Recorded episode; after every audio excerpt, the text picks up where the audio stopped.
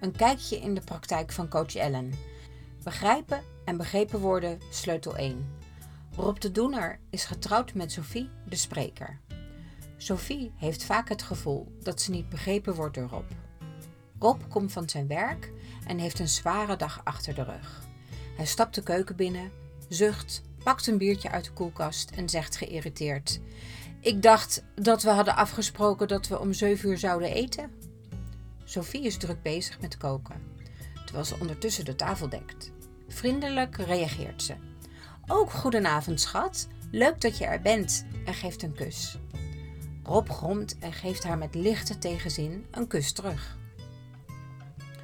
Sophie zet de borden op tafel en zegt: Je wil niet geloven wat er allemaal gebeurd is vandaag. Rob helpt met de tafel dekken en denkt: We zouden toch om 7 uur gaan eten? Waarom is het eten nog niet klaar? Ik had mijn e-mail nog kunnen afmaken. Sophie merkt dat Rob totaal niet reageert op wat ze zei en vraagt verontwaardigd aan Rob: Heb je me wel gehoord?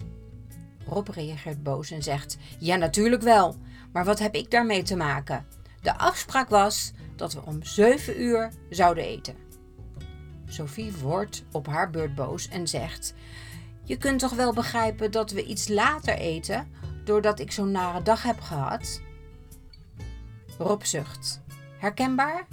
Hoe denk je dat dit verhaal afloopt? De tip van coach Ellen. Als Rob aan Sophie had gevraagd wat er gebeurd was die dag en meer begrip had getoond voor de zware dag van Sophie en als Sophie zou begrijpen dat Rob nu eenmaal iemand is die graag ziet dat afspraken worden nagekomen, dan zouden ze een hele leuke avond hebben gehad. Dus draait het om begrijpen en begrepen worden.